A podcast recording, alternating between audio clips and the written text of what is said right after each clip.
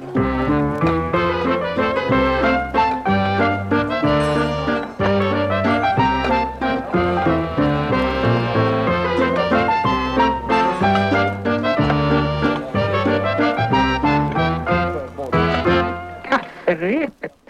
Dagen är fredag och det betyder att det är dags för ett nytt avsnitt av Kafferepet med Sveriges absolut roligaste människor och Nissa Hallberg. Nej, men, Ja, jo, men det är Jante. Är det den känslan idag? Alltså? Nej, nej, alltså jag uppträder hela tiden nu och jag är fan bäst på det jag gör i Sverige. Så fan flytta på er, Hallberg är här. Eh, med mig har jag Johanna Hurtig Wagrén. Yes, hej. Albin Sårman Olsson som just har Jajamän. köpt en ny lägenhet i Gubbängen där det bor original som El Maco, mannen som hade, eh, när polisen gjorde tillslag, ett hekto hasch och en skarpladdad handgranat. ah, Det var, det var Runkens granne. El Maco alltså? Varför Han hette El Maco. Var det för att han, han skakade om?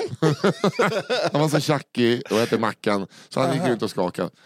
Maracas hade han kunnat kallas också. Ja, men så det är kul. Nu har gentrifieringen slagit till. eh, I, eh, Uppenbarligen, annars hade inte jag flyttat dit. Annars hade en Macko inte han bott kvar. Ja. Ja. Hur mår ni? Eh, bra, tack. Hur mår... Men alltså vadå, vi kan ju inte börja, vi kan ju inte säga så att Albin har köpt lägenhet när Albin alltså har, håller, är mitt i en glow-up. Jo, det är så här, Kommer hit och röker en Jag pipa. börjat ja. röka pipa. känns, ja. det kan inte gå hand i hand då? Som jävla, Jo som det en- kan det som väl en göra. Det kan det väl göra. Nu ska jag flytta till Gubbängen, då ska jag börja röka pipa och skaffa en skjorta som jag ska ha resten av livet. Visst, Ja. det är det som är Det är min plan. Då. Alltså, jag Mm. tänker kanske att jag köper tre skjortor som jag roterar lite på. fusk?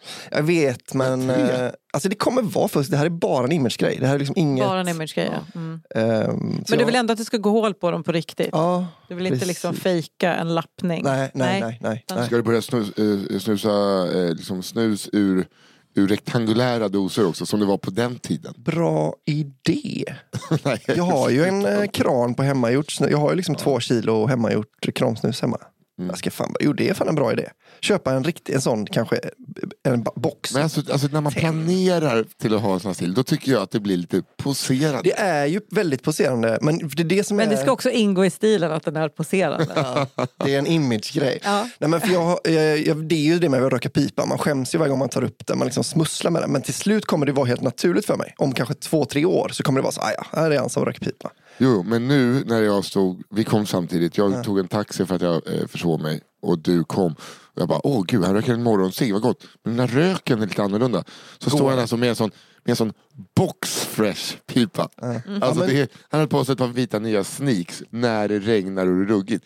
Alltså att röka en ny pipa, det är nästan, alltså, jag vill slå det i ansiktet. Ja, man måste röka in dem. Du. Men det, den är ju det första, första röken. På den. Jag köpte tre pipor. Och man ska ju rotera med pipor också. Så jag ska ha lika många pipor som jag har skjortor. kan man Men det här säga. att du röker pipa, det får du lägga av med. Nej, kommer jag inte. det får du lägga av. Men- Johanna, Det är min nya grej. Nej, men, eh, jag, jag, jag, men jag har redan haft det här med Johan. Alltså, eh, han sa, Johan sa, eh, nej jag sa, jag tror jag hör Albin där nere. Han går ner och kollar och säger han rö- röker pipa. Jag bara sluta. Bara, jo men han gör det. Jag bara, "Nej, lägg, lägg av, lägg av. Han kommer inte in i det här huset om han står där nere och röker pipa. Jag orkar inte det. Jag kan inte ta in. Eh, och sen så började han, alltså han körde på ett tag till så han bara, nej men jag skojar bara. Så jag trodde att han hade skämtat när det kom upp. Han vill, han vill Vi kanske ska säga också att din stil heter ju Paradis-Oscar. Alltså Ja. för det kanske är att de inte riktigt är med på vad då lappa, vad pratar vi om? Nej, Jo, precis. Du kanske vill du köra en Ja, snabb... jag har eh, bestämt mig för det. Var väldigt hållbar. eh, Jag ska köpa riktigt Ja. snygga kostymbyxor och rejäla kanske ylle eller vad jag vet inte vad de brukar vara. I tweed-material eller sånt va? Ja. Och sen så har jag bara dem, gärna gråa såklart ju. Och hängslen? Och sen så har jag bara dem. Jättesnygg kommer jag i början, men skjorta på och sommaren då, byxor. kommer det se ut som Hitler i kortbyxor då? Då Eller? kavlar man upp ärmarna på sin skjorta. Vad, du, du, du, du tror inte folk dog av värmeslag för? De, bara De gjorde verkligen det ganska mycket. Ja. Inte i Sverige. Nej men eh, temperatur, Jag tänker gissa på jo. Ja, men och, å andra sidan, på något sätt ska man ju dö. dö är det inte liksom lungcancern från piprökningen så här får det väl vara värmeslagen som tar mig. Men eh, du ska inte gå till tandläkare så, utan då, med hjälp av en häst drar du ut tänder som verkar. Äh, smeden va? Man går till smeden. Han har här, Ja. En enda som har tänger. Åh. Gud vilken mupp du är. Nej, men jag, det, jag hade ju inte som du valt att sätta in några jävla porslinsbitar i käften. Det är plast, det är det hade varit guld. Nej, Han hade med stolthet burit ett hål, alltså en liten En glugg. guldtand tänker jag. Ja. Det, alltså, från att jag slog ut de här tänderna, eh, hur min ekonomiska situation såg ut då till nu, får mig att bara äta filmjölk nu kan jag säga. Var det för att du är rädd om tänderna? jag har inte råd att sluta med det för tillfället kan jag säga. Eh, det, är liksom, det, gick från, nej men det ska in med guldtänder till att V6. har ni gula V6? Som jag kan trycka upp. Eh, Jag har ju kört en lite omvänd grej Albin. Min, nya, liksom min stil som jag siktar på nu Mm. är ju mycket mer Real Housewives of Beverly Hills. Ja. Så jag tänkte att jag börjar komma upp i snart 40. Det, det börjar med botox. Jag kommer, alltså, jag kommer gå lite för långt med sådana grejer så att det syns lite för mycket. Jag kommer, alltså, det, Ja, allting kommer liksom jag kommer- jag eskaleras, kommer det är min plan. Jag kommer bli vansinnig om du eh, eskalerar med botox och sånt. Ta plast på tänderna så att de liksom är vita på ett, Ah. på ett sätt som inte känns helt... eh, alltså det här, jo, men så här kommer det bli. Jag tror vi kommer kommer bli lite av ett eh, radarpar. det tror jag med. Eller hur? Att Det vi är, eh, det är liksom, ja, det är hundra år emellan oss. Mm, att vi liksom, Jag är liksom mer 2002, Ja. du är 1902. ja precis. Jag har ju också skaffat extensions alltså för ett halvår sedan, för nu har jag inte i dem men de måste jag ju sätta i igen så att jag liksom kompletterar, look- alltså hårförlängningar. Ja. Alltså vi kommer ju vara som en sitcom. Ja. Att det är så, hjälp. Hur eh, hittade de här två varann? eh, Min gammelfarfar har åkt fram i tiden. Nu måste jag vara med honom. Men det som är positivt för mig eh, här, med, den här, med den här podden eh, är att vi tjänar inga pengar knappt på den Nej. Nej. Och eh, Albins nya val, Mm. Han behöver liksom ha 90 kronor i månaden till tobak. Ja. Ja. Ja. Men du har dyra vanor. Mm. Det ska jag va? pumpas in nervgift i huvudet på dig Ja. och det ska liksom det ska räddas uppas kluvna för varje toppen. gång. Ja. Nej, och du, ska, Så att, du, du- du är ju min du är min räddning här. Du är min livlina i, innan en lite cash. personlig konkurs. Ja. Det är för att du ska ha ett vitt leende. Ja, Ja. precis. Det är mina nya tänder. Mm. Ditt, din nya stil. Varje gång jag kommer till botoxkvinnan ska jag skrika skruva upp! du, kan, du kan dra på, ta den stora nålen bara så du f- går fort detta. Mm, Sätter också en skruv i ryggslutet så man kan spänna åt lite själv. Om det, mellan. Ja men det här, nu blev det ju pladderpodd. Ja det blev det, Men- förlåt. Ja men det, det tycker jag är härligt och alla ni jävla nej-sägare, vet du, fy fan vad jag är inne och kollar på vad folk skriver. Ni- Dö era jävla griskukar. Nej men jag blir så arg. ja. Det är därför man inte kollar. Jo, jo, jo. Eh, Det är, alltså, det, det är bara så här. Ja, men alltså, jag kommer sätta en eh, trea för att, ja, för att du är en vidrig människa. Man sätter fem eller ett. Ja. Det är det man gör. Mm. Ja, inget, ja, men alltså, pommes fritesen hade varit lite krispigare. Skitsamma. Ja, är det bra eller dåligt? Det är egentligen bara tumme upp eller tumme ner. Ja, ja, ja visst. Grönt eller rött. Ja. Ja. det är så, så är jag med allting i mitt liv. Jag med. Antingen är jag nykter eller så är jag jättefull. Ja. Det finns jag, inget två glas Jag med. Antingen är jag liksom en nutidsmänniska eller så är jag en... Nutidsmänniska. Inte sådana som glider igenom livet på orange. Nej, exakt. Nej men eh, det här är ju alltså kafferepet, en, eh, en eh, skvallerpodd. Ja. Där vi läser upp ert skvaller som ni har skickat in. Era historier Ja. om folks fadäser. Som vi läser. Eh, Avista. Ja. Jag Vi trodde bara har att du inte... ville ha cred för ditt rim. Fadäser som vi läser, sa du. Ja. Och så tänkte jag, Vad fan tror du att det Jag är? missade, jag är för Här kommer bakis för att upptagen. Alltså jag kommer nog rimma mycket. Men du har ett väldigt glow för att vara bakis. Ja, tack, eh, jag har köpt eh, nya produkter. Ja. Som också otroligt dyra. Otroligt dyra. Mm. Fy fan vad bra. bra. Det är mer min grej kanske att rimma. Eller mer Paradis-Oscar än Housewife. Och jag vet, det är bara för att jag är bakis. Ja, just det. Eh, jag jag är inte riktigt med i Det är huvudet. också- det är roligt att jag är en- jämt. Bak, vi kommer ju båda vara bakis jämt fast jag kommer vara det på liksom hembränt och du på dyra champagner. Ja. Maskrosin. Men nu ska jag berätta vad det här är för podd. Ja, Ja, gör det, tack, gör tack, det. gör det. gör det. Det, vet du vad jag hör? Jag, jag, jag. Men det går jättebra ihop med min nya glow-up. ja. Ja, Men verkligen. det roliga är att jag är så mitt emellan Paradis Oscar. För jag har MAS-enzym i ansiktet innan jag går och lägger mig. Och eh, jag, jag luktar på tröjan innan jag sätter på mig. Just det. Så att det är liksom, ja, jag plockar, plockar det bästa. Ja. Ja. Eh, ni skickar in till kafferepet ett underproduktion. Punkt, nej, ett, vad- hur gör man? Jo. Kafferepet at Jag tror att underproduktion.se. jag börjar bli dement. Ja. Kafferepet att under produktion. Jag tror jag börjar bli bakis. Eh, där skickar ni in era historier så kommer min syster, vår redaktör Fia Lo Almström, Mm. välja ut. Hon eh, skickade, satt uppe till kvart över två i natt tror jag och läste. Eh, för att sen gå upp och vara mamma och jobba. Så att hon, hon, hon gör sitt jobb eh, in i det sista. Ja. Och det får hon riktigt dåligt betalt för. Ja. men det, det Men vill ni sponsra den här podden så gör det så vi kan betala folk ordentligt. Hur kan man sponsra den lättast då, om man inte har ett stort företag som vill eh, pumpa in reklampengar i oss? Då kan man faktiskt bli eh, prenumerant på vår podd Cigarrummet som Ja. finns på underproduktion.se. Den går att lyssna på i, sin vanliga, i sitt vanliga RSS-flöde. Mm.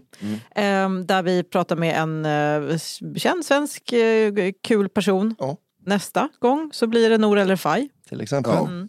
Eh, det kommer ut nästa onsdag. Eh, vi, vi har haft Jesper Rönndahl, Kristoffer... Eh, Appelqvist, Ritter. Fritzson, Elinor Svensson, ja. K. Svensson. K. Svensson. mm. Och vi har, vi har haft mycket, Mm. mycket människor. Ja, med. men det är faktiskt... Människor har varit med. Människor har varit med och då, det har varit en för jävla kul grej. Men den här podden är alltså att vi läser upp tre stycken historier var som vi inte har läst innan som är inskickade av er lyssnare om knasökar från er hembygd. Jag fick, eh, fick en, eh, en liten tag eh, på en tidigare historia. På en kille som jobbade som polis i Hallstavik. Kommer ni ihåg detta? Just Ja, ja, ja, den fick jag. Ja. Du fick också Jag har den. inte fått Ja. den.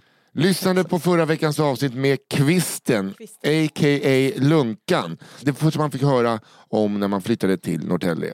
Historien bekräftades av en vän med, ja för fan, det var ju min polare som körde ifrån Lunkan. Så att eh, hela den historien då stämmer. Även hört att han har tagit fast frugan sin för fortkörning som vid tillfället också jobbade på polisstationen. Alltså en polis som, han är, han är sån, han är sån lagens väktare att han till och med sätter dit sin fru. Ja, men vad, det är väl egentligen han som gör rätt. Jo, jo. Hundra Men, procent. jo, men alltså, skulle, skulle kvisten. man, man gör inte det. Nej, så det tror jag nej, nej, nej, nej. Alltså, det gör honom inte till en bra person, men det gör honom till en bra polis. Ja. Eh, vad heter det? Eh, sen så, jag tyckte ändå det var lite, jag vet inte. ska, är det tragiskt? Var det lite kul? Jag vet inte. Men eh, precis veckan efter vi hade berättat den där historien så blev det liksom lite uppblåst eh, i nyheterna att så här, polisen får ju inte jaga Mopedisterna. mopedister. Just det. Eh, för det kan ju hända dödsolyckor, det har det gjort. Mm. Och det kan hända olyckor och sådär. Eh, då började jag tänka så här, så man får trimma moppen eller? Är det det det betyder då? Ah. För att då hade, var jag så inställd på kvisten! Eh, mm. Men jag tyckte det var kul att vi låg lite i tiden. Ja, men vi är alltid i tiden. Mm.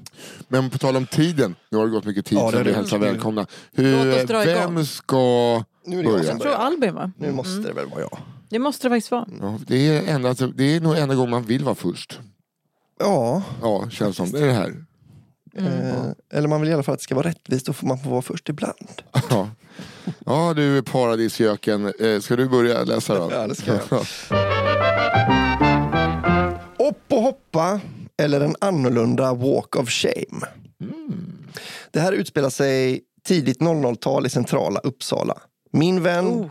låt oss kalla honom Johan, hade utanför sina läkarstudier lyckats att landa ett kvällsjobb på en videobutik i centrala Uppsala. Han trivdes både på sitt jobb och sin... eh, Han trivdes med både sitt jobb och sin chef. Mm. Eh, Arbetet på kvällstid var sällan betungande och han hade ofta tid att plugga under sina pass. Som bonus så lät hans chef sin anställda låna hem filmer under förutsättningen att det inte var några nyheter och att man lämnade tillbaka dem dagen efter. Det här är DVD då gissar jag, annars hade det väl tillägget varit Alltid att de se- var tillbaka spolade också. Jag hoppas verkligen att det är min lokal där jag brukat gå och hyra film. Vad hette den? Det minns jag inte. Nej. Ja, du gjorde inte som jag då, att jag jobbade för min lokala och sålde Bingolotter. Mhm. Fem spänn lotter känner jag. Fortsätt. Ah, snyggt ändå. Tack. Vi, hade det, vi, hade det, vi var ekonomiskt oberoende i min familj. Jag stod där med mina rullstolsgökar och sålde lotter vid Konsum. Just denna kväll som jag vill berätta om så hade Johan i vanlig ordning skrivit upp sig på ett stängningspass och såg fram emot en lugn kväll så att han både kunde få betalt för att göra väldigt lite samt hinna plugga.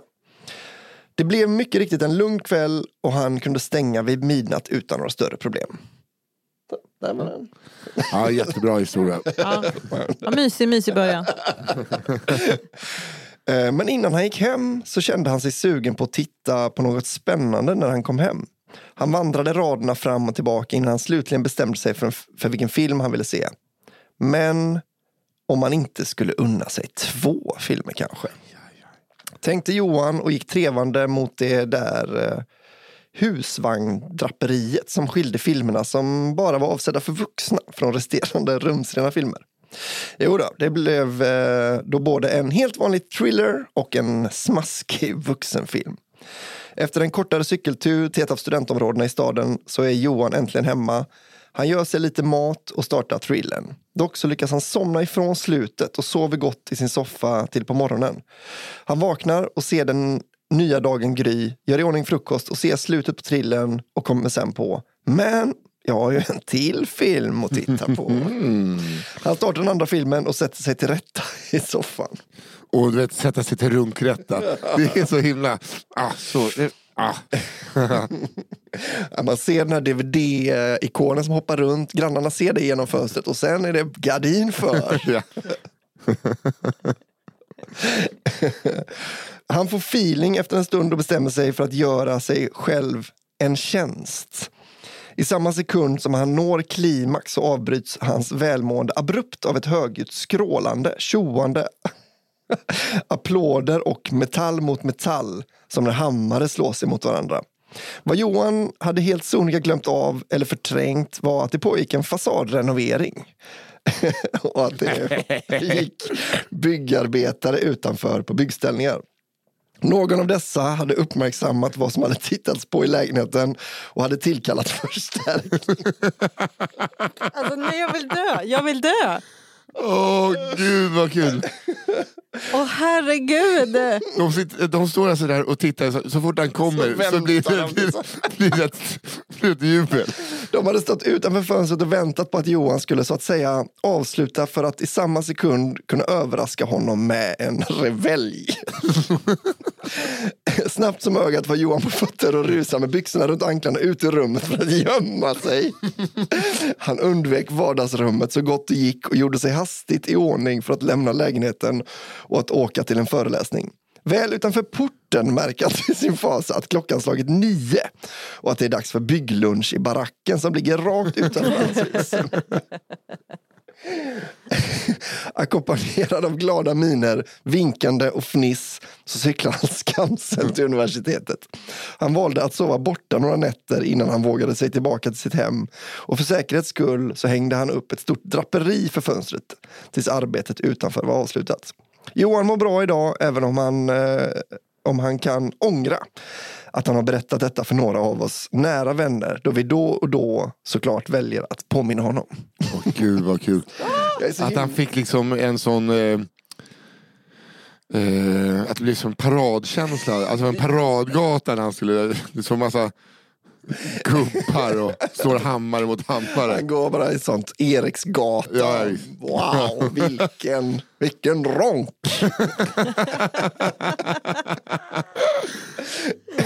Gud vad jobbigt. Just när man Det är så kommer. taskigt av dem också, men det är taskigt på så himla roligt sätt. Ja, men det är så, ta- just att de håller sig tills de ser någon kom. Alltså vet, så här, Ja. när, när, han- när det slutar till, då jublar vi. Men jag tänker att de bara, de har bara ställt sig och tittat. Det är ju inte varje dag man ser en annan karl ronka. Och sen så kan, kan de inte hålla... Way! Fyrverkeriet kommer liksom. Men också fattar du när du eh, är- når klimax och att du får den känslan. Du fattar inte vad som händer. Alltså då samtidigt. Det att det står ett gäng bulgarer och applåderar på våning tre. Det är också lite skam liksom inbyggt ändå. Ja, ja. Utan att det står ett bygglag. Ja, men det, det är så Undrar om han någonsin har kunnat dra en liten igen så att säga. Eller om det där var sista gången i hans liv som han någonsin kunde njuta av ensamtid. Eller att han kanske, det har blivit så att han inte kan komma utan jublet. han får liksom... Where my applause dude? Han får ringa in lite polacker. Ja. Han får runka till en handbollsmatch där det blir mål ofta.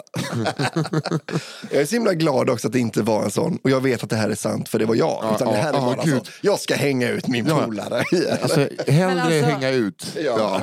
Ja. Ja, för det, det går ju aldrig att fatta vem det är förutom för just dem. Nej. Men vad heter det? eh, Jag älskar också att han började med att berätta att han trivdes på jobbet och han jobbade där. Så att man bara var såhär, Ja, okej visst. vad är grejen? Vad har han snott för film? Vad kommer man glömma? Nej, ja. Vad är grejen? Och sen så bara, så att det kom verkligen från Ja, sidan. verkligen en lurberättelse Ja. med. För man tänkte ju bara så, och sen så hade han lagt eh, porrfilmen i Ja, liksom, visst. eh, så den långa färden, eller vad heter Ja, det? ja, ja. Den oändliga historien. Ja. Det är så, men det är kul om han får ett företag, att han liksom får komma på deras typ bygglagsfest, eller taklagsfest. Ja. Och liksom, Att de vill ha da capo. ja, exakt. ja, nej, bra, off to a bra start. Verkligen. Mycket. Nu har jag min första då. Jag ger er Leffe Motborgare. Denna historia utspelar sig någon gång mellan 1969 och 1972 i och omkring det alternativa kulturhuset Gamla Bro som låg på Gamla Brogatan i Stockholm. Min svärfar, likt många andra i sin generation vid den här tiden, var politiskt engagerad på vänsterkanten. Fanns det något att demonstrera emot så gjorde man det. Behövde man ockupera ett hus för att visa handlingskraft så var det, det en självklarhet. Ja. Fan man gillar den tiden.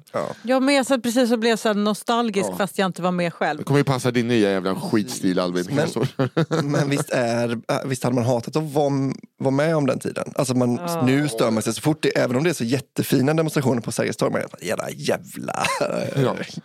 Nej men det är fan, jag vill ju leva under Prince of Thieves-tiden. Ja, Robin, helst, ja. Fan, jag tror jag hade varit 23 år grym gamla på och- båge. Ja, pil och båge. Pil och också. Även pil, ja. Det krävs. Min svärfar stötte vid denna tid på en man som tog sin ideologiska ståndpunkt längre. En man som inte vek ner sig oavsett hur orimlig hans handling kan tyckas vara. Jag älskar den mannen.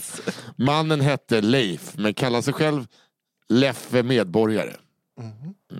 Ja såklart, jag är medborgare. Ja, fan, man är ju en del av staden, man, vi, vi, av eh, kollektivet. Du ska inte sätta dig på mig, jag är medborgare.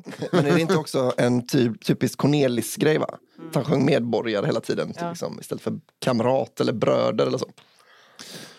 Eh, Leffe... Jag är som Cornelis. Så. Mot slutet av 60-talet hade Leifs politiska och ideologiska tankar skiftat.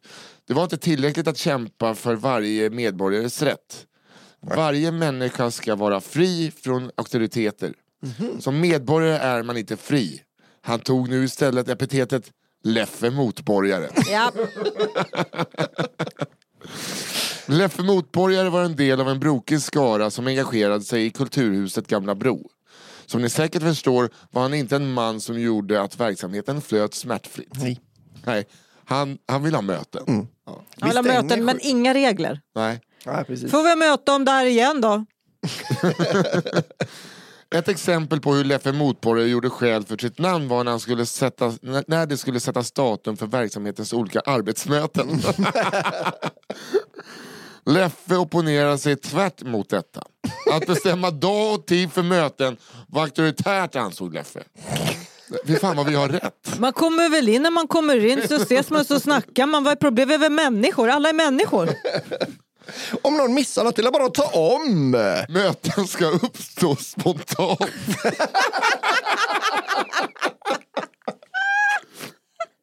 Vid ett stormöte hade Leffe fått för sig att kläder var auktoritärt och klädde således av sig naken i protest.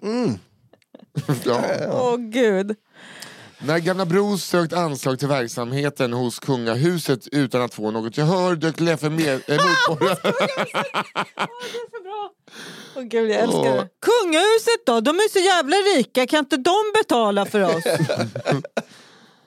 Då dök Leffe Motborgare upp till en manifestation med en banderoll som löd Kronprins idag, prinskorv imorgon. Fy fan, han är arg nu, Motborgare. Den här, den här typen av såkommor Han är så jävla rik så man får mordhota honom. Eh, Men den episod som verkligen visade Leffe Motborgares handlingskraft skedde i samband med att Gamla Bro behövde sätta in nya lås i fastigheten. Ni kanske anar vad Leffe Motborgare tyckte om lås? Helt riktigt. Lås är auktoritärt! Åh gud vad jag älskar Leffe Motborgare. En dag var således alla nycklar spårlöst försvunna. Leffe Motborgare förnekade sin inblandning i frågan. Men när Leffe lite senare samma dag fick föras till sjukhus så är det klart vad som hade hänt. Leffe Motborgare hade helt sonika svalt nycklarna och fick opereras akut. Det enda sättet att bli av med nycklar ju. Men också det är liksom inte 69 man vill åka in och operera ut nycklar ur magen. Nej, och framförallt inte. I magen på Leffe hittades det åtta nycklar som saknas. Leffe överlevde operationen, men vad som hände med Leffe Motborgare efter detta vet inte min svärfar. Men han anar att hans liv fortsatte på inslagen väg. Nej, hörni, nycklar, det är, det är auktoritärt. Det här känns som att det skulle kunna vara typ så Anders Thorssons sparrings morbror. Ja, ja. Eller hur? Det är fan Gud ja. Gud ja. Familjen, eh, vad heter de? Knyckertz. No, nej men jag tänker på eh, deras eh, klädmärke.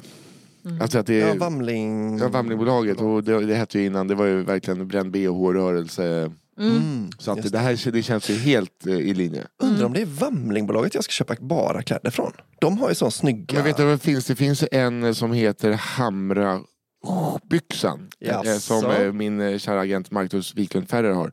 Det är en sån jävla sån eh, byxa. Ja. Nu ska vi inte hålla på att droppa mer namn utan att de betalar oss Vi är verkligen stora inte pengar. sponsrade. Jo, då, om- men eh, vet, jag betalar min agent stora pengar. Så att eh, Exakt. vi behöver aldrig mer nämna hans namn. För varje, varje gång jag säger Marcus Wiklund Ferrer så försvinner en procent. Det ser jag klart för Marcus Wiklund Ferrer. Här 20 procentare! ja, ja. vilken härlig start vi har Ja, haft otroligt hittills. Jag vill mm. stoppa den nästan. Gillar det här mycket. Ja. Så det blir Johanna Hurtig Wagrells första story. Märkte ni att jag eh, typ läste utan att staka mig? Ja. Men det var Du otroligt. Det var otroligt. Ja, ja, ja. Men det är för att folk har börjat skriva så bra. ja. Det är det. Och att du börjar bli liksom mer van säkert. Jaha, så det var påtagligt att jag var så kass förut Johanna ja. Men även jag. Ja. Du är också jätteduktig. Jag Varsågod. vill se- inte säga mer för det känns som att det bara blir fel. Okej, nu kör vi. Banana face. Denna händelse inträffade när min kompis Martin och hans flickvän Sofie backpackade genom Asien som unga.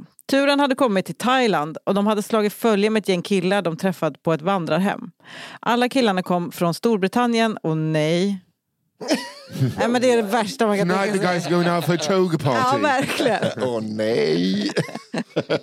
Det var det sämsta de kunde säga just då. Okej. Utom en tystlåten grabb som kom från Italien och vars engelska var minst sagt undermålig. Åh nej. Maybe is tonight we go... Toga?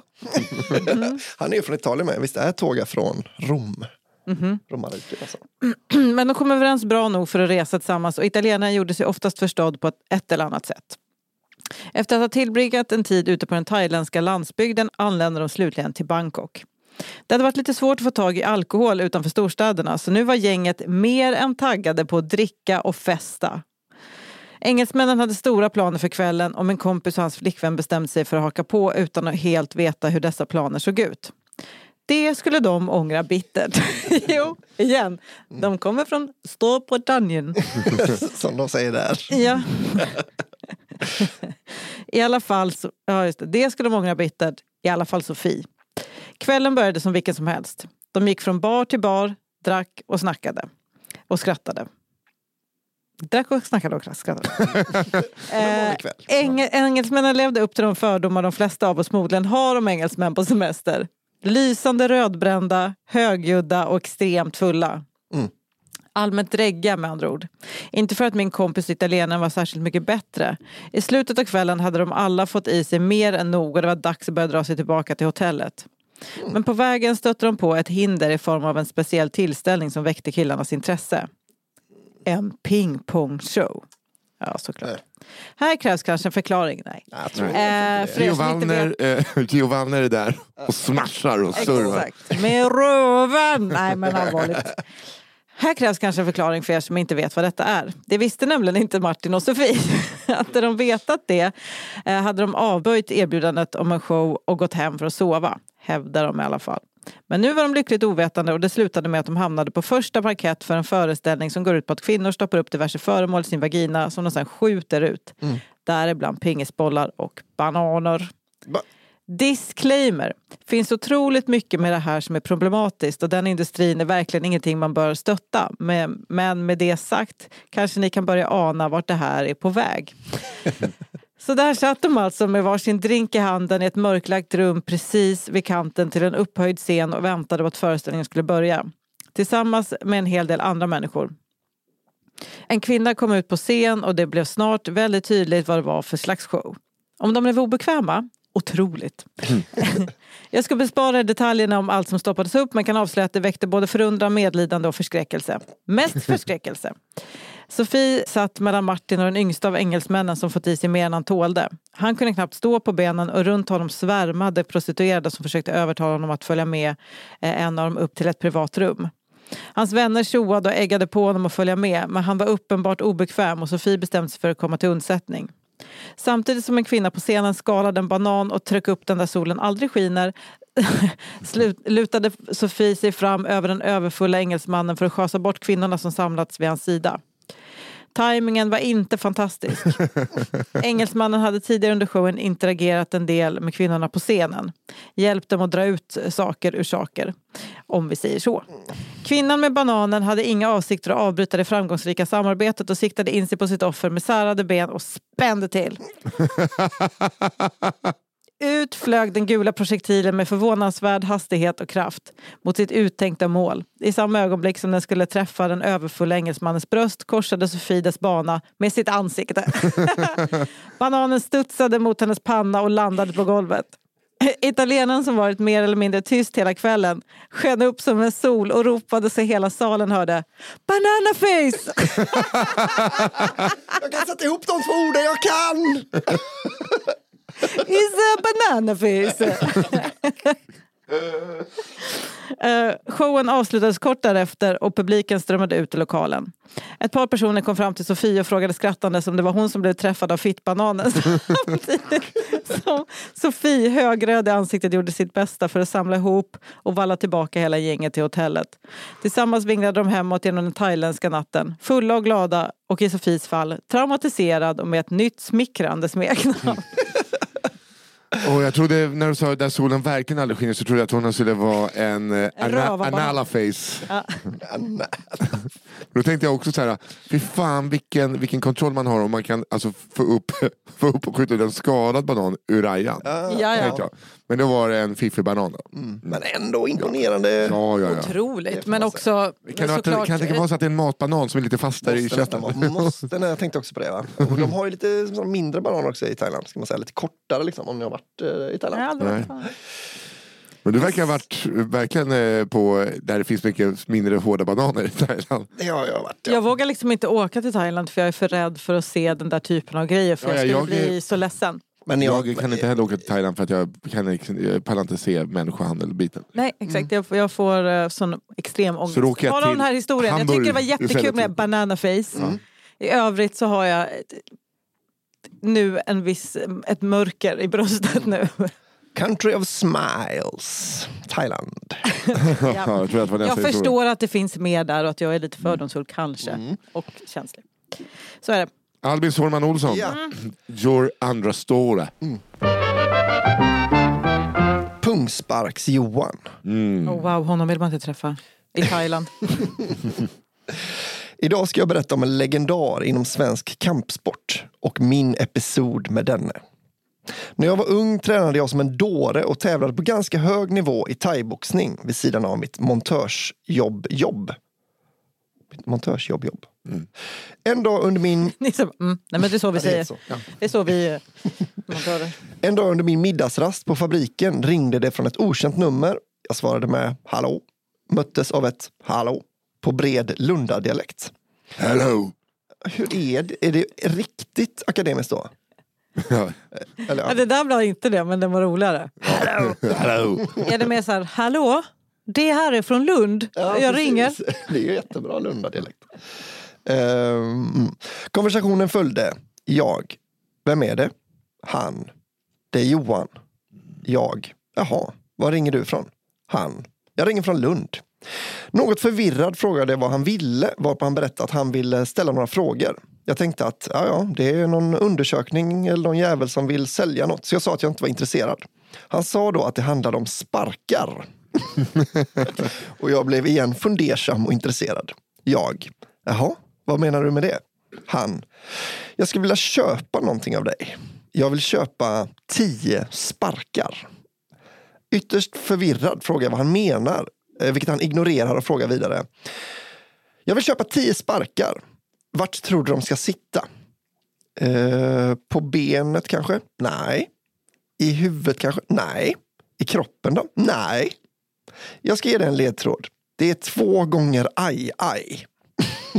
jag. Eh, vill att jag ska sparka dig tio gånger i kulorna?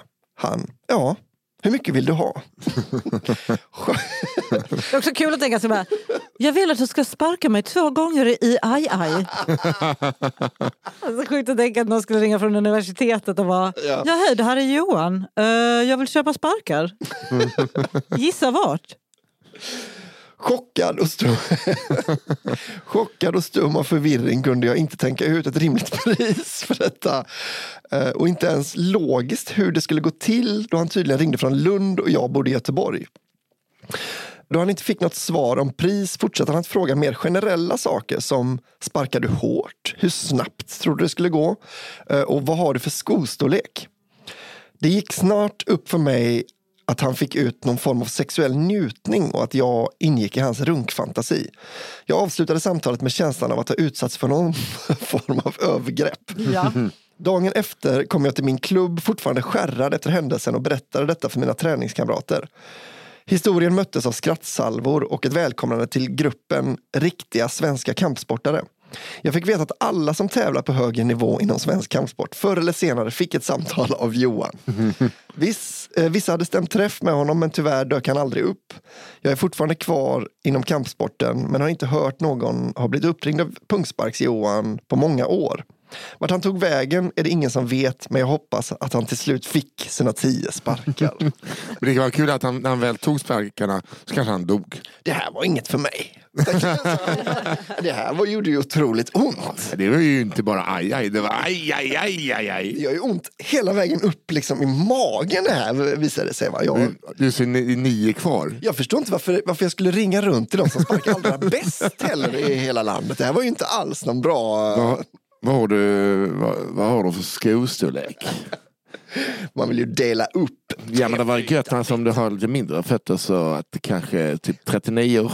Att det, men, jag är 43, det är för stort. Ja, det Ja, är det är ju en speciell, men det var kul då för att det känns som att det är många kampsportare i Sverige som känner igen detta. Då. Det Ja. var jättekul att det finns en sån bland kampsportare som bara, jaha Johan, absolut. Eh, nej men han ringer ibland.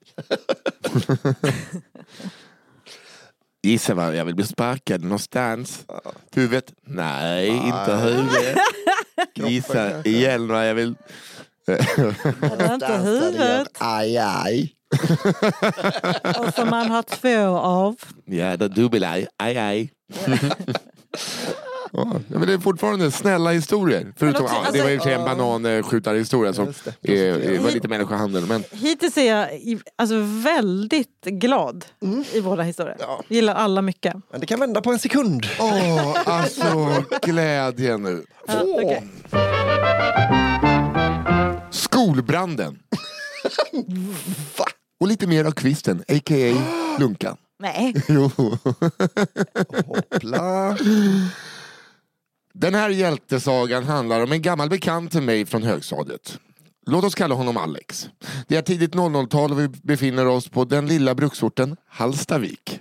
såklart. Åh gud, det luktar pappersmassa redan nu. Nu kan man fisa i, i, i studion så att det blir mer autentiskt. Just det, varsågod. Men också inte. Nej, gör, gör inte det. Det är fruktansvärt eh, ohövligt. Det var höst och terminen hade precis tagit fart. Min polare Alex var redan uttråkad och skoltrött och tog varje chans han såg att skolka. Främst av allt brukade Alex skolka fysiklektionerna som leddes av den bittra läraren Marie. Marie hade ett tyskt efternamn vilket tillsammans med hennes barska personlighet gav henne det självklara smeknamnet Hitler-Marie. Svängigt. Ja, Det är otroligt bra. Ja. Är du någon jävla Hitler-Marie eller? Fan Hitler-Marie, så de är... mycket läxor hos Hitler-Marie det. Just den här dagen var Alex på riktigt dåligt humör. På morgonen hade polisen gjort en räd mot skolans mopedparkering och Alex hade hamnat i kläm. Polisen, Kvisten, känd från tidigare avsnitt, som var ökänd för att jaga mopedåkande ungdomar, hade anklagat Alex för att ha trimmat sin moped.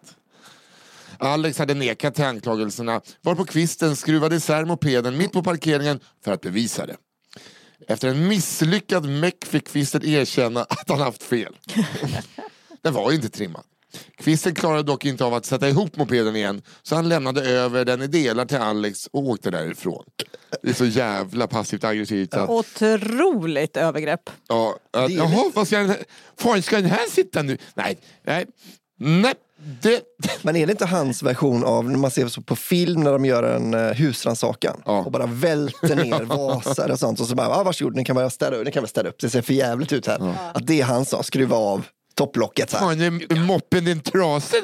Glöm inte att korsdra den här skruvarna sen. i- Och så gör han sånt, sånt eh, radioljud själv med munnen. Så att han kan åka där. Strax innan fysiklektionen skulle börja stod Alex utanför entrén till skolan och tände en cigg.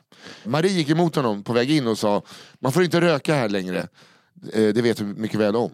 Och tvingade honom att fimpa cigaretten. Hon stormade vidare in på lektionen som Alex absolut inte hade tänkt delta i idag. Istället gick han in på en avlägsen, nästan undangömd toalett i korridoren och tände ciggen där inne istället. När han var färdigrökt kastade han fimpen i papperskorgen och såg på hur det började brinna.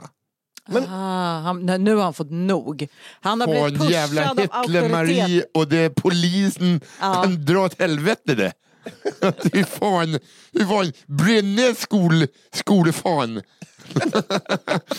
det är så bra att han kastar den och att han står där så vet, arg som bara pojkar kan bli. Fan, nu ska jag skiten brinna ner det. Ja. Alex gjorde sedan vad vilken smygrökande skolkande tonåring som helst hade gjort i den situationen. Han drog därifrån snabbt som fan. Efter en stund började brandlarmet dåna och elever välde ut i korridoren från de olika klassrummen. Hitler-Marie pekade med hela handen mot brandutgången och ropade att det här inte var någon övning. Nicht-övning! Alles! Alles raus! När den sista skaran elever var på väg ut kom plötsligt Alex i motsatt riktning och skrek åt alla att akta sig. Han plöjde genom massorna samtidigt som Marie försökte stoppa honom. Alex grep tag i en brandsläckare och släppte upp dörren till den obemärkta toaletten. Där blottades Ellen som nu tagit fart i gipsväggarna. Han släckte toaletten snabbt och effektivt medan Marie tittade på. När han var klar sade hon misstänksamt hur visste du att det var brand där inne? Hon har så tyst Ja, ja, jag, jag, jag, krydd, jag, kryddar, jag kryddar med den. Magkänsla, svarade Alex. Ja, det var magkänslan det. En stund senare var flera brandbilar på plats vid skolan och säkrade toaletten och stängde av larmet. Brandkåren samlade ihop hela skolans elever i aulan för att informera om händelsen. Vid det här laget hade storyn om Alex hjälteinsats spridit sig bland både elever och lärare. Inne i aulan berättade en brandman om olyckan och vad som hade hänt. Slutligen ville han uppmärksamma dagens hjältedåd och bjöd upp Alex på scen. Brandmännen hyllade Alex och sade att om inte han hade varit där så hade det kunnat gå riktigt illa. Alex mottog därefter en applåd från hela skolan. Vi som visste vad som faktiskt hade hänt eh, applåderade längre än alla andra och ställde oss upp i en ironiskt stående ovation. Snyggt. Lärarna var motvilligt tvungna att delta och till slut reste sig till och med Hitler-Marie. Anledningen till att Alex plötsligt bestämt sig för att springa tillbaka och släcka branden var helt enkelt fett coolt att släcka en brand. Polisen Kvisten startade en utredning av mordbrand. Men den lades ned efter bara någon dag. Hjälten Alex fimpade aldrig mer i papperskorgen efter den dagen. Men han fortsatte självklart att skolka Hitler-Maries fysiklektioner. Otroligt bra. Gött. Hur visste du Älskar när att folk det... erkänner brott i den här podden. Ja, men också att eh, Hitler-Marie fick motvilligt också. Ja, det var ändå tur. Utan Alex hade vi inte överlevt. Trots att hon står... Men det var för jäkla tråkigt att vi förlorade kriget. Det hade kunnat se ut som Dresden Ja. efter bombningar. Tåget hade gått rakt in i lärarrummet. kommit i tid. Okej. Holländaren. För några år sedan skulle jag gemensamt med en ho- kompis ha en stor födelsedagsfest. Vänner från olika delar av livet och länder kom till stan där vi bor och, i flera, och flera skulle sova hemma hos mig. En av dessa var en lite knarkigare holländsk vän som jag egentligen inte kände utan mest hade gemensamma festkompisar med från en annan tid då jag bodde i Tyskland. Denna holländare följde med det övriga gänget och visade sig vara en ganska kass person när vi umgicks dagtid utan alkohol i blodet. Han började direkt fråga oss om vi hade numret till någon dealer, vilket vi inte hade och blev tjurig som ett barn när han inte fick tag i knark. Eller inte fick som han ville. Ja, ja, tänkte vi. Han ska bara vara här fredag till söndag och det kommer så mycket folk att han kommer försvinna lite i mängden. Det gjorde han inte riktigt. Tyvärr hittade han den enda andra personen på festen som också knarkade och de försvann båda iväg flera gånger under kvällen. Under kvällen tog han även störst plats och gjorde många saker att handla om sig. Till exempel blev han lite stött över att det inte fanns någon på festen för honom att ligga med. Så han försökte hångla upp en kompis pojkvän. Någonstans efter det försvann han lite och festen blev en riktigt toppenfest med allt det där kaoset som en riktigt bra fest har. Efterfeststämning med skriksång och dans och någon som kräktes ner i mitt sovrum och någon som grät medan folk stod bredvid och shottade tequila. Här någonstans ber holländaren om att få gå och lägga sig. Inga problem sa jag och upplät mitt sovrum där golvet nu var städat. Till historien hör även att mitt sovrum var en skrubb. Åtta kvadrat med skjutdörr men också skjutdörrar till garderoben i vilken alla långväga gäster hade ställt sin packning. På morgonen någon gång är det dags att gå och lägga sig i bäddsoffan och jag går in i mitt rum för att hämta tecken och sånt. Holländaren ligger då och sover rätt på resårmadrassen och med själva bäddmadrassen som täcke. Det, är, Well. det har aldrig en kvinna gjort. Nej men jo, alltså jag har ju sovit. Det är Johan i vår familj ju som är... Jag sov i en månad med halva madrassen på golvet för jag orkade inte fixa det. Det är inte så housewife-igt. Nej jag vet men jag har ju, jag har, det är en glow-up så jag säger inte att jag kommer Ah, ja, från ja. det hållet. Nej, nej, nej. Men jag har kanske i mig att landa där och dessutom det är ju någon annan som får fixa det åt. Ja, det är sant. Jag ju bli ett svin. Ja. Det är själva poängen. Okej. Uh, just det. Blablabla. Jag fnissar lite, noterar att det luktar illa i rummet och tänker att den där skrubbningen av kräket på golvet nog inte blev så bra ändå. En av mina vänner säger att hon hört holländaren röja runt där inne men vi tänker inte mer på det. Vi vaknar alldeles för tidigt senare samma dag och mår riktigt piss. Men är glada ändå för det var en bra kväll. Där någonstans ber någon om en Ipren som jag ska gå in och hämta på mitt rum. Vilket jag gör. Jag skjuter upp dörren och en stank slår emot mig. Fan vad han måste kolla över sin kost hinner jag tänka. Innan jag ser att det ligger något på golvet. Utan glasögon på får jag luta mig framåt innan jag inser att holländaren mycket riktigt har bajsat på mitt golv. Någon gång under natten när vi hörde honom röja runt in i rummet. Ehm, och öppna och stänga skjutdörren till garderoben måste han i sitt något påverkade tillstånd satt sig ner på skrivbordsstolen och på något sätt lyckats bajsa rätt ner på golvet. Okej. Följande timmar pendlade mellan ilska och uppgivenhet och många maskiner tvätt fick tvättas då bajset släppte ifrån sig vätska som nu...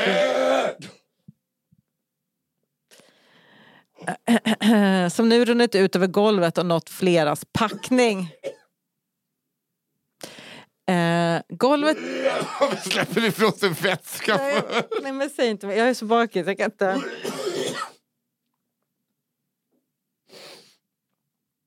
Sav. Fan alltså. Golvet i sig fick också en rejäl sanering. Holländaren hade inget minne av nattens incident och efter att jag gav honom en sån där obehagligt lugn utskällning tog han lite ansvar för situationen och började faktiskt städa upp. Det var en minst sagt både ansträngande och minnesvärd födelsedag. Idag har varken jag eller mina vänner någon kontakt med holländaren. Tack för en superbra podd. Så storyn är, det kom en kille från Holland och sket på mitt som ingen ville ha där från början heller. Till det som är så, han hade liksom inte det, han hade inte det, den marginalen med sig riktigt. Nej, nej, nej, nej. Jag vet inte, har någon marginalen att bajsa alltså på det sättet? Ja, men ens barn har ju det. Ja, ja, ja visst. visst, visst. alltså det finns ju ändå folk man älskar så mycket att man, kan, att man liksom kan se mellan fingrarna Mm. på det. Men inte en holländare som, man, liksom, ah, ska vi verkligen bjuda holländaren? Helst inte. Nu har han också Jag tänker så här, skit- jag tänker om Johan, om vi var borta hos, alltså, nej, jo, om, om vi var borta på fest och han, äh, tänk om vi är hemma hos er Albin, Mm, mm. så går han in i ett sovrum, skiter på golvet och går och lägger sig och sover en hel röjer lite. Röjer lite först. Röjer runt Röjer runt för att hitta en perfekt... Det är som en hund. och bajsar eh, liksom så, så att det liksom läcker ut till grejer omkring. Ja, då, då vet inte jag om det hade blivit en skilsmässa där. Nej, Jag men är- inte det- säga- Jag hade nog kunnat förlåta det. Men jag ska ju inte heller bo då eller leva med den här Nej. personen. Då Men, vet man att det är en tickande bomb, att han kan gå och skita när men ha- helst. å andra sidan då, hade, det varit, hade Johan varit mer som holländaren i sin, liksom, eh, i sin personlighet. Att det var lite så här, ah, det här kommer hända igen. För, och liksom, skulle det vara så att om Johan hade gjort det så hade det inte känts som, det här är Nej, inte Johan-grej att göra. Nej, då hade man ju känt så här, hallå, är det någon, var exorcisten tack? Ja, det är ju liksom ett, en freak accident då. Men holländarna känns som att det här kanske var femte gång. Det är bara för- händer ibland när han är på fest. Ja, Holländaren har ju, det var ju, hade han bara fått tag på heroin så hade liksom förstoppningen suttit i. Ja. det var det. Men inget gör mig så arg som, att, som det här. Men det är också det här med att man liksom, Han har ju inte gjort av illvilja. Han är ju Det helt... spelar ingen roll. Ja, lite roll. Om man gör det med mening är det värre ändå. Det är som Nej, att eh, någon... Nej, för the, the neglect of it Ja. är för stark. Men också så här, han är vet, skit... det är lite så här, jag slår inte med ett barn men jag skiter i om hon äter och borstar tänderna. Man bara, ah, pretty much the same. Ja. Alltså det är liksom Nej, den det är grejen. Inte, inte... Jo, Ja, men, jag tänkte på det här med pojken som kallades Det. Ja, Att man, så det är här, man, riktigt ljus om man ställer, stänger in ett barn i, liksom under, i, i, köks, liksom i en kökslucka. eh, Då är det liksom så här, det är ju inte schysst. Nej. Men om man sen dessutom tvingar den att dricka sopvatten. Då känns det liksom mer som att, så här, att ja, han sover bara på golvet här. För att vi har inte orkat fixa en säng. Då är det värre än att tvinga i barnet Nej jag säger inte, jag säger, okej vi kan inte ta upp de här grejerna. För Men det jag är härligt med Men, den vad och det, att de ändå var lite moderna i eh, att inte köna sitt barn. Just det, det var det de var egentligen. Nej, men alltså, jag menar mest att, att man skiter i det på en sån nivå att det ens kan hända gör mig typ lika arg. Ja, jo, jo. Ja, ja, det är ju mer Men visst, mindre ja, meningen. visst, ja, visst, ja, visst. Jag skulle inte ha tagit spåret till barn för då blev det mörkt direkt. Ja. Nu går vi vidare. Yes. Ja, eh, det är alltså, eh, då har vi läst två var. Ja. Två i var, som man säger i Hallstavik. Två i var då. Två, får en två i år då. så. Tog ryggen och tryckte gasen i botten ja. Albin? Svårt att säga nej. Ja. Hej! Denna historia handlar om en god vän. Låt oss kalla honom Sören. En rolig, varm och konflikträdd filur. Låter hel- som det. Ja, faktiskt. Inte, fast rolig då också. Ja, det är sant. Jag skojar. Och varm. Just det. Konflikträdd stämde. Ja. Det hela utspelar sig när Sören är i tidiga 20-åren. Han har gjort slut med sin första riktiga flickvän. På grund av tidigare nämnda konflikträdsla gjorde Sören slut långt efter att han egentligen borde och ville ha gjort det. Nu när han äntligen i väldigt försiktigt tempo lyckats dra av plåstret ville han leva löken på singelmarknaden och gick på fest för att stifta nya bekantskaper. Han lär känna Stina och det är också eh, inom citattecken då, så det, hon heter nog inte det som verkar snäll, rar och söt och de spenderar natten tillsammans i Sörens lägenhet. Dagen efteråt tycker Sören att det var en trevlig natt och härligt med lite bekräftelse men känner sig klar med bekantskapen. Han säger helt sanningsenligt supertrevligt det här Stina men nu skulle jag behöva städa och fixa lite här hemma innan mamma kommer på lunch. Responsen blir inte som han tänkt sig. Det är ingen fara. Jag hjälper dig med städningen så eh, får jag träffa din mamma också. Oj, oj, oj, oj, oj, oj, Åh gud. Hoppla, hoppla. I detta, Nej Stina, läs av rummet. I detta skede skulle nog många eh, stått på sig och avfärdat förslagen. Absolut så- inte. Absolut inte. inte. Inte, nej jag kan tänka mig. Att du också bara, ja vad trevligt. Men jag dör nu.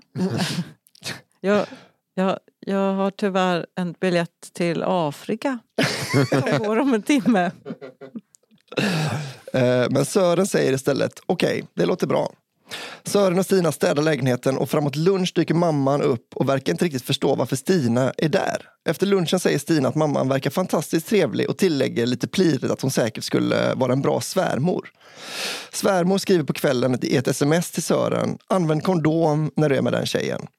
Stina vill stanna kvar även denna natt och så blir det. Sören Yeah, 'cause träffar... the mom knows, she knows the crazy hon, vet, ja, psycho men hon vet ju, eh, hon vet ju, hon känner sig själv och vet hur Sören blev till. Nej men hon, nej, hon, man vet precis. Flickrädslan går i, i släkten.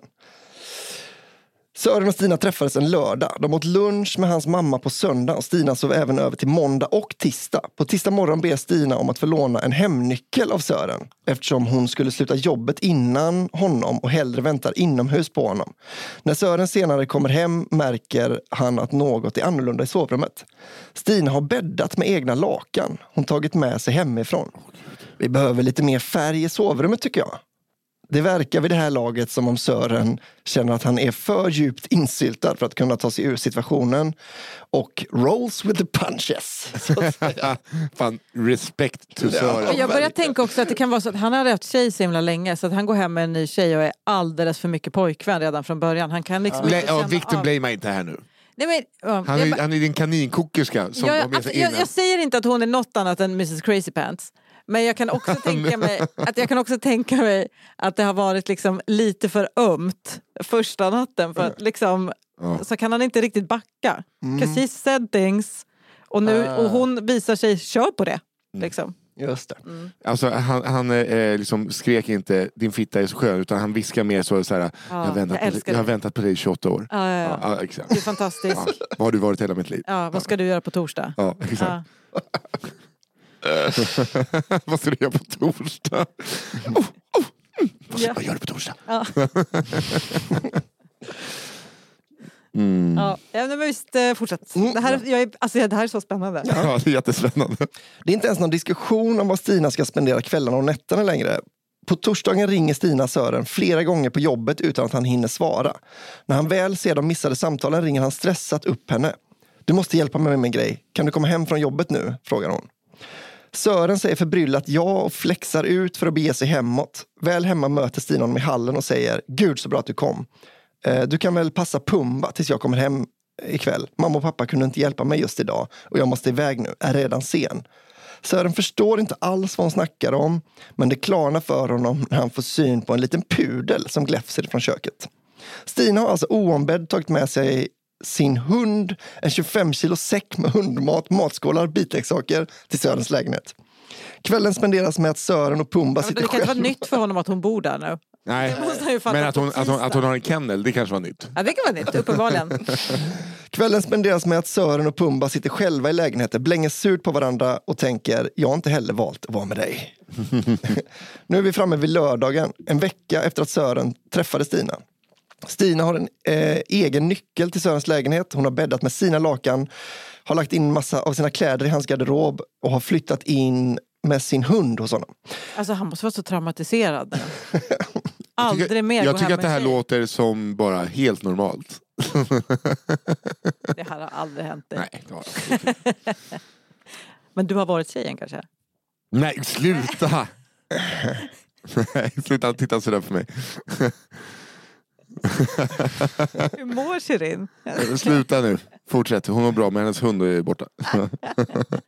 Okej. Alla Sörens kompisar har hört om spektaklet och sagt saker i stil med Va? Men nej, hon är ju inte klok, du måste avsluta det där. Nu säger hon till Sören Imorgon ska vi på middag hos mina föräldrar. Och så blir det också. När Sören och Stina kommer hem till föräldrarnas villa vinkar svärfar glatt från trappan. Pappan råkar även han heta Sören Jaha och försöker alldeles för länge bonda över detta faktum. Sören konstaterar att väggarna i hemmet är prydda av många ikoner och kors. Det verkar vara en väldigt troende familj Stina kommer från. När svärmor gör entré sträcker Sören fram handen för att presentera sig. Hon tittar avmätt på honom och går tyst till middagsbordet utan att skaka handen. Naturligtvis ber familjen bordsbön. Svärfar frågar om Sören vill leda bordsbönen, eh, men han tackar artigt nej. Vid middagen medverkar även Stinas supertöntiga yngre bror och försöker skapa en relation till Sören genom att hitta på bus. Inget vare sig kul eller fyndigt, bara jobbigt. Brorsan säger också att han verkligen vill åka till Liseberg med systern och hennes kille.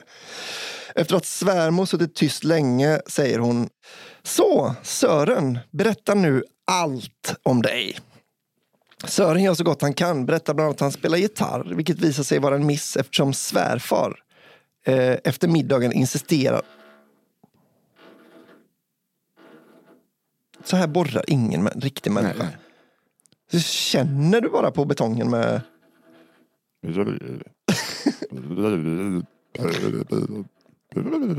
Det är som att någon borrar i väggen och är rädd för att det ska bli hål. Jävla idiot. Det var kul sagt. Men tryck in slagborrsfunktionen och tryck till bara.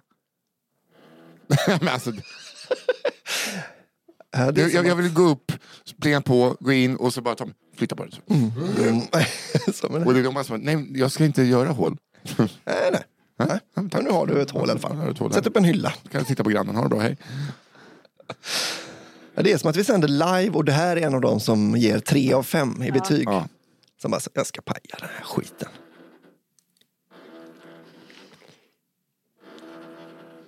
Ja, jag- man förstår ju att de håller på länge och renoverar. Om det är så här de borrar. ja.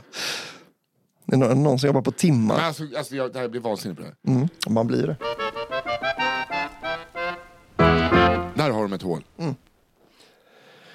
Sören gör så gott han kan. Berättar bland annat att han spelar gitarr, vilket visar sig vara en miss eftersom svärfar efter middagen insisterar att de ska spela tillsammans på piano och gitarr. Här, till slut, efter pappans ihärdiga tjat om att de ska spela tillsammans, rinner bägaren till slut över för Sören. Han säger till slut bestämt nej till duetten och förklarar att han måste gå. När Stina följer efter honom förklarar han bestämt att det inte kommer funka mellan dem. Att hon får ta med sina grejer och sin hund från honom. Efter en intensiv vecka blir äntligen slutet gott, allting gott för Sören. Stina flyttar ut, oklart hur dramatiskt själva uppbrottet var, men gissningsvis var det inte friktionsfritt eller värdigt. Idag är Sören bättre på att säga ifrån och har ett sunt och rimligt förhållande med en jätterar tjej. Det är han verkligen värd. Ja men alltså han blev ju kidnappad. Det Ja, här är en kidnappningsstory. men jag är besviken på det lyckliga slutet. Ja, Man hade ju velat så här, han har aldrig älskat sin tjej och nu har de två barn. och tre nya pudlar. Han spelar gitarr och piano med sin svärfar varje kväll. Ja, han är har med. ett band nu. Ja, jag menar det, att de känns som Christian De rock. går i rikets sal tre gånger i veckan. Ja. Ja, ja, det var ju en... eh, Ja, fy fan vad man måste lära Alltså, sig. jag tycker så synd om honom. Ja. Men eh, fan, ganska... Ja. Liksom, Skärp till dig, våga säga ifrån, sluta vara så jävla mes. Jag, jag bytte till den perspektivet, var det bättre? Ja. Okej, här, sug på den här lilla jävla pudelpitten. Vilken rubrik alltså. Mhm. Det tysk-kinesiska svartsjukedramat. Racism uh, on its Men way. inte än va? Jag tror det. Denna historien utspelar sig i en studentstad i Sverige. Den handlar om Bunny, en kinesisk utbytesstudent som bodde i min studentkorridor. När asiater åker till Europa för att plugga tar det ofta ett vanligt västerländskt namn för att underlätta för oss europeer. Bunny tog då namnet Bunny. Men man får säga att det är ganska coolt eh, Hello Kitty-svunget av henne. och Ja, Bunny. gud, ja. Med en ball stil till så har hon allt att vinna på det. Bunny. Bunny gillade inte att plugga. Hon brukade gå runt i korridoren och säga I hate studying, I hate studying. Eh, ja, ja. Däremot gillade Bunny att dejta tyskar. Mm. Den första terminen dejtade hon två tyskar parallellt. Vi kan kalla dem för Hermann und Wolfgang. Dessa tyskar var på besök hos Bunny varannan kväll. Tyskarna var ganska lika och det tog ett tag innan vi andra i korridoren insåg att det var två helt olika tyskar som kom på besök. Det är, Hermann, det är ju rasistiskt. Det är svårt att se skillnad på tyskar. Nej, det är inte rasistiskt. Jo, men det är kul att det är eh, omvänt. Ja, ja precis. Det är Båda rasistiskt däremot. Ja, det är någon, kom in någon kille med Jack Ja. Wolfskin-dress. Det. Hermann och Wolfgang var även helt ovetande om varandra. Dejta varannan dag. Dejtandet fortsatte hela hösten. Men framåt jul bestämde bandet sig för att det var dags att ta beslut om vilka tysk hon skulle behålla. Sagt och gjort. Gjorde bandet slut med Wolfgang och åkte på resa till Tyskland med Hermann. De lade då ut en bild på sig själva på sociala medier som Wolfgang såg och bandets tjejkompis råkade berätta för Wolfgang vad som hade pågått hela hösten. Wolfgang blev då rosenrasande. Kvällen som Bunny skulle komma hem från Tyskland satte sig Wolfgang i vår korridor för att vänta in Bunny för att få prata med henne. Han var väldigt arg. Och då vet man ju hur arga tyskar kan bli. What she did was shit! What she did was shit! Var ett mantra han mumlade för sig själv. What she did was shit! Yeah! Did, Bunny did was shit. I pardon you.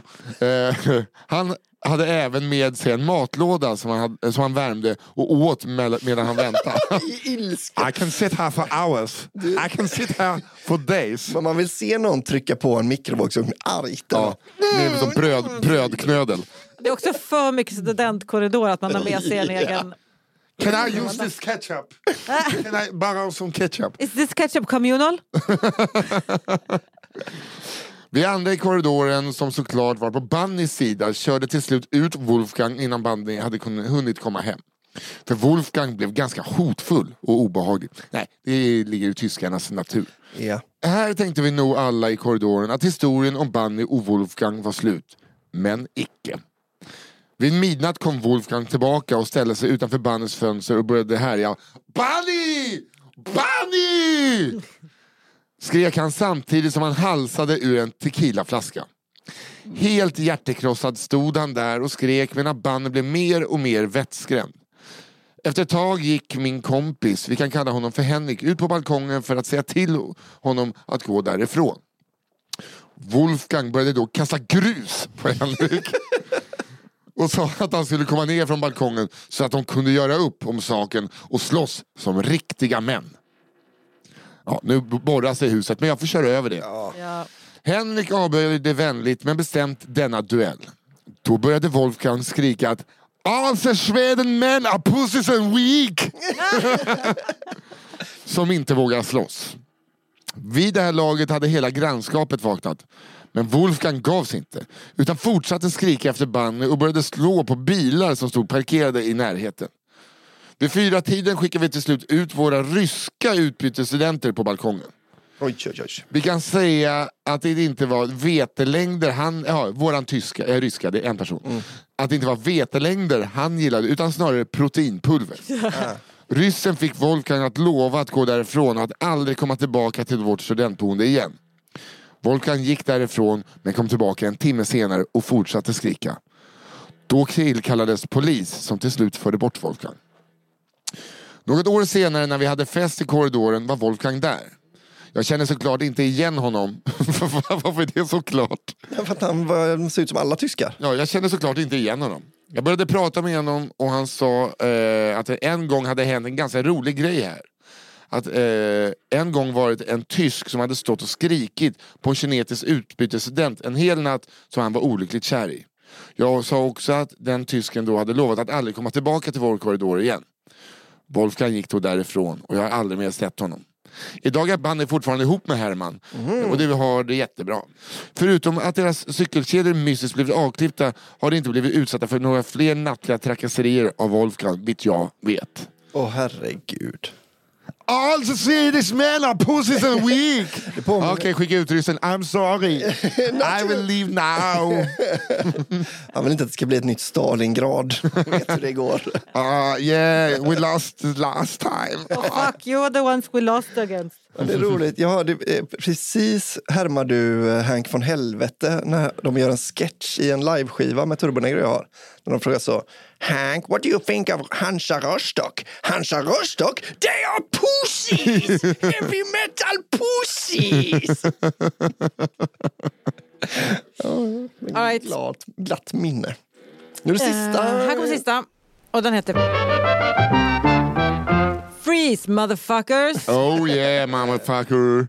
Jag ber om ursäkt för att de borrar som up here. Ja. Men alltså, vi kan inte göra någonting åt det för de slutar ju för fan aldrig. Det känns som att den som borrar har reumatism och inte har köpt en borr med så mycket tjockare handtag så den kan inte trycka in hela vägen. Det, det, det. Jävlar. Ja. Detta är historien om Forsa.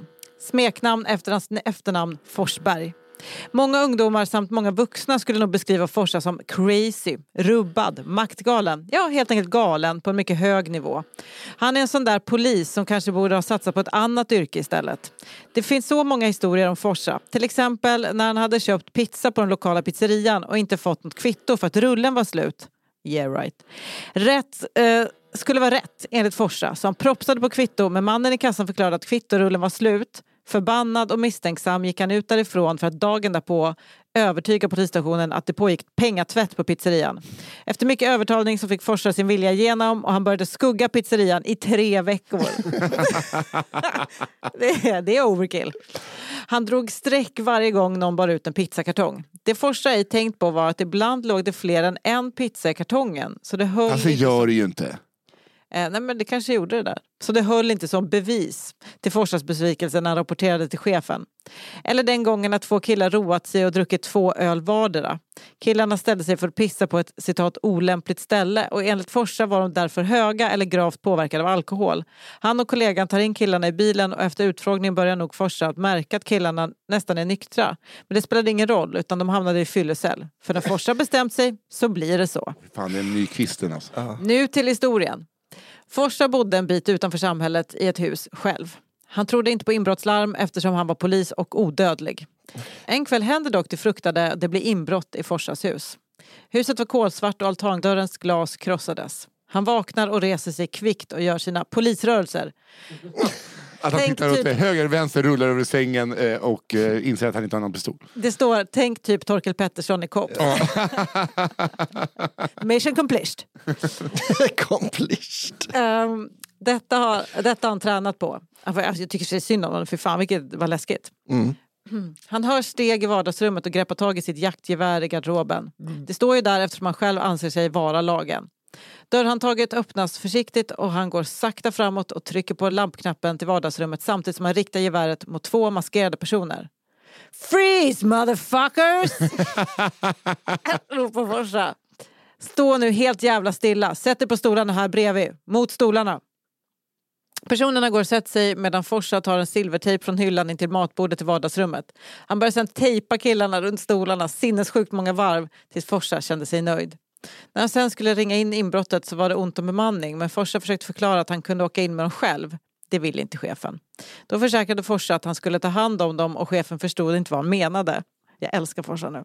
Älskar. Det här är det coolaste jag hört. Så skulle jag också vilja vara. Freeze motherfuckers! Bara, mm. I'm taking care of my own business. Vad jag vet- Bye boss.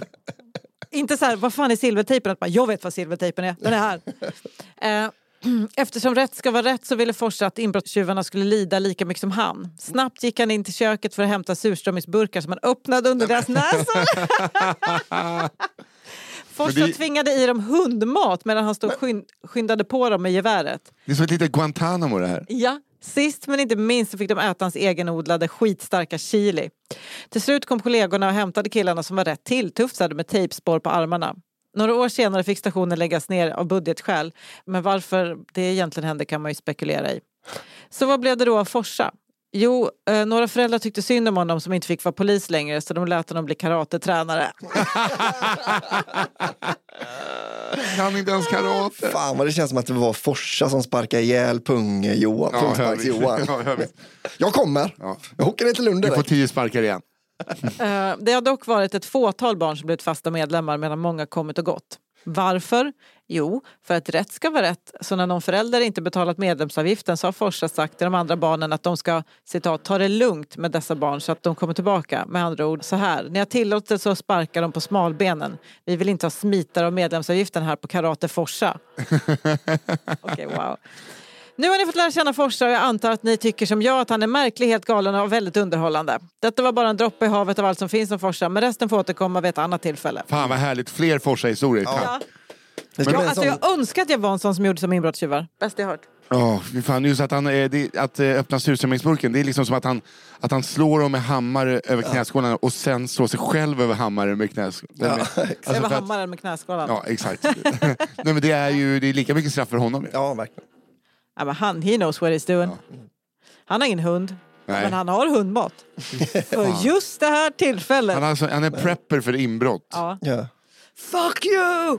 Okej, Okej, nu ska vi bestämma vilken som har vunnit innan just någon det. borrar ihjäl vi vet vem mitt som har förlorat i alla fall. Den jävla borrkuken på våning tre. Ja. Okej, Albin, vad har du Ja. läst idag? Jag har läst Upp och hoppa eller en annorlunda walk of shame, om ni kommer ihåg. Den Ronke-historien Ja. alltså. Mm. Eh. Punksparks-Johan Ja. och Svårt att säga nej.